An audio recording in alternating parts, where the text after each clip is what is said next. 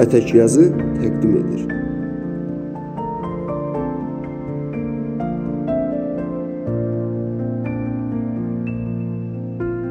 Siyasətdə sol və sağ haqqında bilməli olduqlarımız. Yazının müəllifi Madeline Carlyle.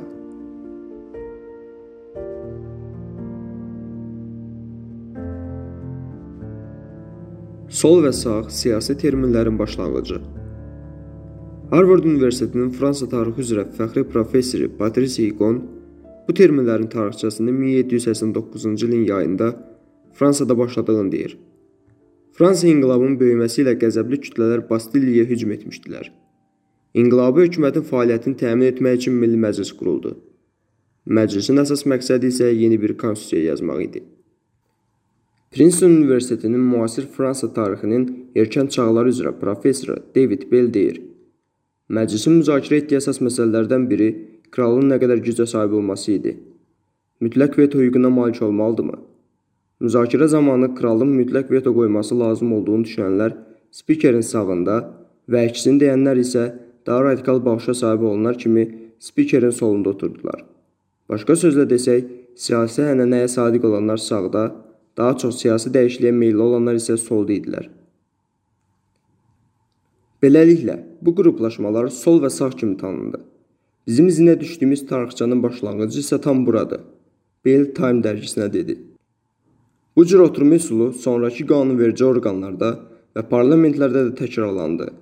Bell, bu terminlər xalq dilində də olduqca tez yayıldı. Milli Məclislə bağlı xəbər dərc edən qəzetlərdə bu terminlərdən istifadə olunurdu, deyirdi.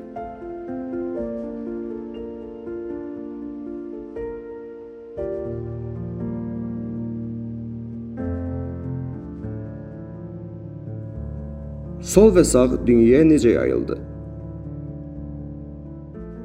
Bütün dünya fransız inqilabını izləyir, inqilabla bağlı terminlər bütün dünyaya yayılmağa başlayırdı.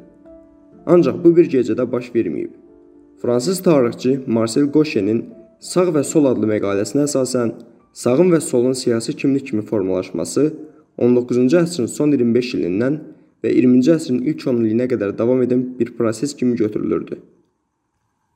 Bolşevik Rusiyasında və Sovet İttifaqının ilk illərində sol və sağ terminlərinin yayğın olması bu sözlərin yayılmasının əsas nümunəsidir. Yale Universitetinin Avropanın mədəniyyət və intellektual tarixi professoru Marsi Shor email vasitəsilə Time-a belə yazırdı.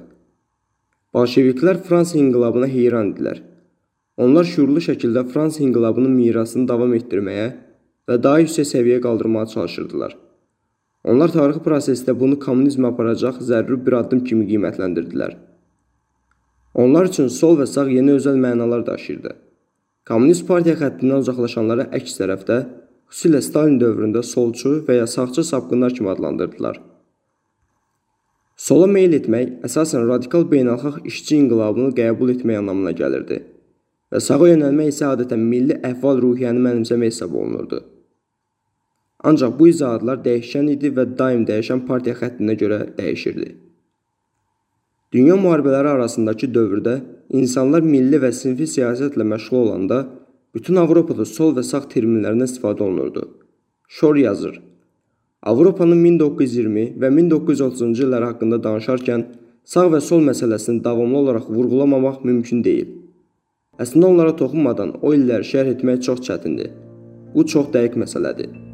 Ona görə ki, müharibələr arası illər siyasi qütbləşmə dövrü idi. O zaman sağ və sol da daha radikal oldular. Liberal mərkəz isə havaya uçdu. Marksın ifadəsi ilə desək.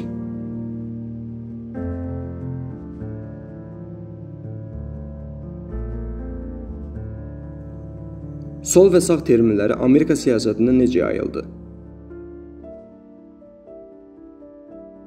Georgetown Universitetində ABŞ siyasəti və ictimai hərəkatları professoru Michael Kezinə görə terminlər yalnız 20-ci əsrdə Amerikanın xalq dilində tətbiq olundu. Və Google enqram axtarış sistemi ilə də solçu və sağçı anlayışlarının yalnız 1920-ci illərdə kitablarda geniş istifadəyə başlandığı görünür. Ancaq terminlər daha çox yayıldıqca ondan ən çox istifadə edə biləcək insanlar çəkinib həmin terminlərdən istifadə etməkdən yayındılar. Pensilvaniya Universitetində 20-ci əsr Amerika tarixi professoru Brent Sebul deyir: 1920-30-cu illərdə ABŞ-da fəaliyyət göstərən vicdanlı kommunistlər və sosialistlər var idi. Lakin bir çox səbəbdən özlərini solçu adlandırmırdılar. Birincisi, 1930-cu illərdə prezident Franklin Roosevelt yeni xəttə əsasən özəl sahibkarlıqla barışan liberalizm dövrünə başladı. Aktiv sosialist olan bir çox insanlar siyasətin və əsas partiyaların irəliləyişi naminə daha radikal ideologiyalarına qurban verərək yeni xətti dəstəkləməyi seçdilər. Sonra 1940-50-ci illərdə soyuq müharibə və qırmızı qorxu sol meylli insanlar üçün riski artırdı. Cebul deyir: Sosialist və ya kommunist kimi danışsaydınız, hökumətdəki işinizi itirərdiniz. Beləliklə bu özünü solçu kimi tanıdanlara böyük təhdid mesajı idi. Mühafizəkar mütəfəkkirlər liberal dövlətin böyüməsini solçuluq adlandıraraq onu kommunistlərlə əlaqələndirməyə başladılar.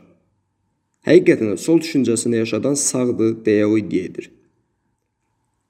Stanford Universitetində 20-ci əsr ABŞ tarixinin professoru və Hoover İnstitutunun elmi işçisi Jennifer Burns deyir: İnsanlar 1960-cı illərdə bu sözü yenidən istifadə etməyə başladılar. Dəyişməyə nə səbəb oldu? Birincisi, Siyasi partiyalar keçmişdə çox vaxt regional və iqtisadi maraqları əsasında idarə olunurdusa, sonralar ideoloji inanclarla möhkəmlənməyə başladılar. İkincisi, həm sağçılar, həm də solçular köhnə siyasi birliyi kənara qoydular. Mühafizəkarlar hökumətin genişlənmə fəlsəfi əsasları ilə razılaşmayıb, yeni bir fikir irəli sürmək üçün çalışırdılar. Digər tərəfdən, fəal tələbələr Bönsun dediyi kimi hegemon liberalizm və Vyetnam müharibəsinə qarşı çıxdılar. Bu çox vacib məqam idi. İnsanlar fikir ayrılıqlarını ifadə etmək üçün bir yol lazım olanda sol və sağa üst tutub öz düşüncələrini ifadə edirdilər. Bu isə Amerika siyasətində sol və sağın faydalı olmasına gətirib çıxardı. Burns deyir: Birdən-birə sol və sağı daha çox təyin edilmiş bir vəziyyət yarandı. Çünki hər iki tərəf ortadakı müəssisələr və güclərin hər şeyi qatıb qarışdırdığını və xeyirli bir iş görmədiyini düşündü. Bu solun siyasi spektrdə yüksəlməsinə bir səbəb ola bilər. Çünki mühafizəkar olmayan, liberalizmlə də razılaşmayan insanlar özlərini adlandırmaq üçün bir sözə ehtiyacları var idi. Buna görə də özlərini solçu adlandıra bilərlər deyə düşündülər. Və insanlar genişlənmiş bir hökumətə və iqtisadi və ictimai və siyasi həyata geniş müdaxilə tələb etmədiklərini başa düşərək özlərini dövrün mühafizəkar hərəkatından fərqləndirmək üçün sağ sözündən uzaq durdular.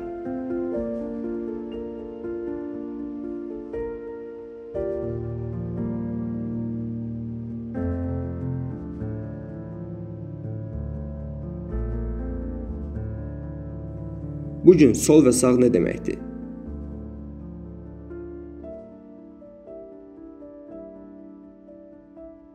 Pensovia Rosenfeldin dediyi kimi, terminlər harda və hansı kontekstdə işləndiyinə görə dəyişkən mənalara sahib alətdirlər.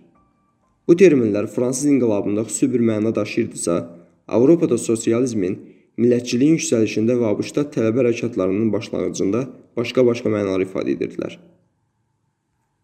Bu gün ABŞ-da sol və sağ mütərəqqilik və mühafizəkarlığı göstərir. Ancaq mərkəzin tərifi hələ də dəyişməkdədir. Makleçi yazırdı ki, Biden mütədil namizəd hesab olunsa da, siyasi gündəliyi özündən yalnız 4 il əvvəlki Clintondan qat-qat progressiv idi. Bir cərəyan tendensiya özünü doğrultmağa meyllidir. Mərkəz çökəndə sol və sağ daha siyasi güclü olurlar. Bəziləri bunun 2019-cu ildə baş verdiyini iddia edirlər. Burns. Fikrimcə sağ termini bu gün yenidən istifadə olunmağa başlayır. Çünki həqiqətən liberal olmayan insanlar arasında çox aydın görünən fərqlər var deyir. Kezin deyir ki, bu terminlər siyasi mübarizədə də getdikcə daha çox istifadə olunur.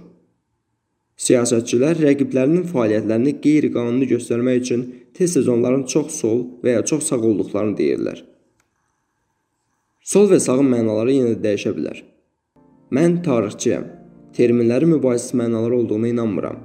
Termin nə qədər əhəmiyyətlidirsə, mənasının nə olduğu bir o qədər mübahisəlidir. Kezin dedi.